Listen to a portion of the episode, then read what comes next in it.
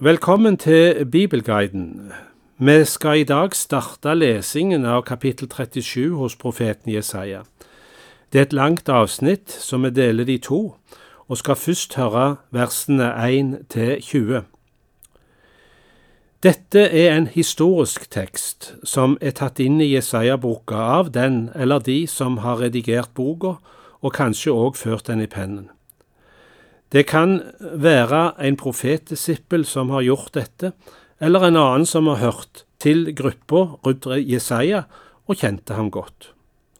Teksten vi har foran oss i kapittel 36 til 39 er omtrent ordrett gjengitt fra andre kongebok kapittel 18 til 20.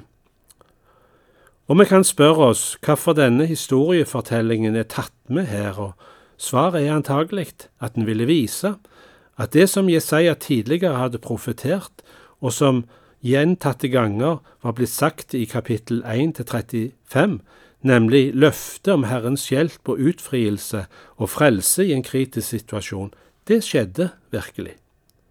Selv kommer Han og frelser dere, har vi lest tidligere i boka. Se her, les historieboka, slik skjedde det. Vi leser nå Jesaja kapittel 37 vers 1-20. Herren berger Jerusalem.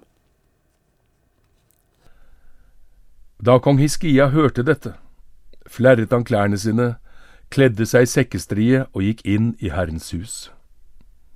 Så sendte han borgherren Iljakim, riksskriveren Skjebna og de eldste av prestene kledd i sekkestrie til profeten Jesaja, sønn av Amos.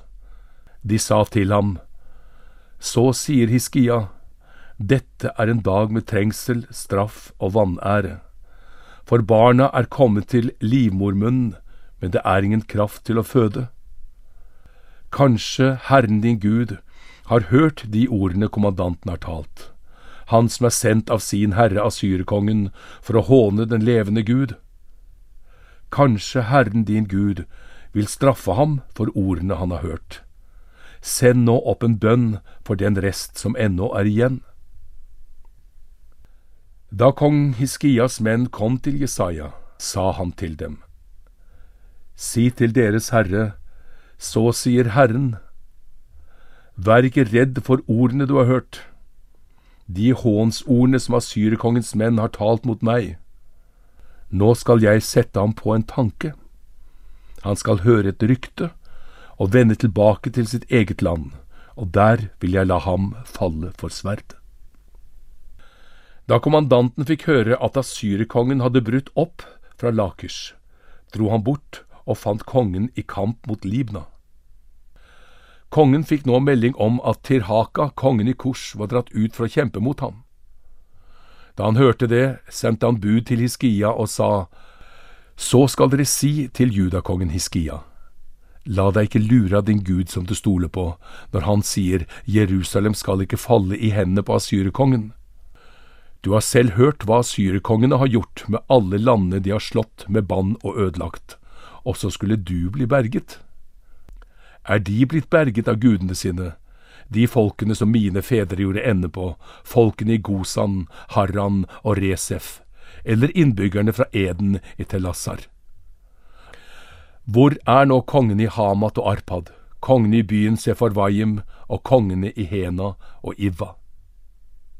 Da Hiskia hadde mottatt og lest brevet som sendemennene hadde med seg, gikk han opp til Herrens hus og brettet det ut for Herrens ansikt.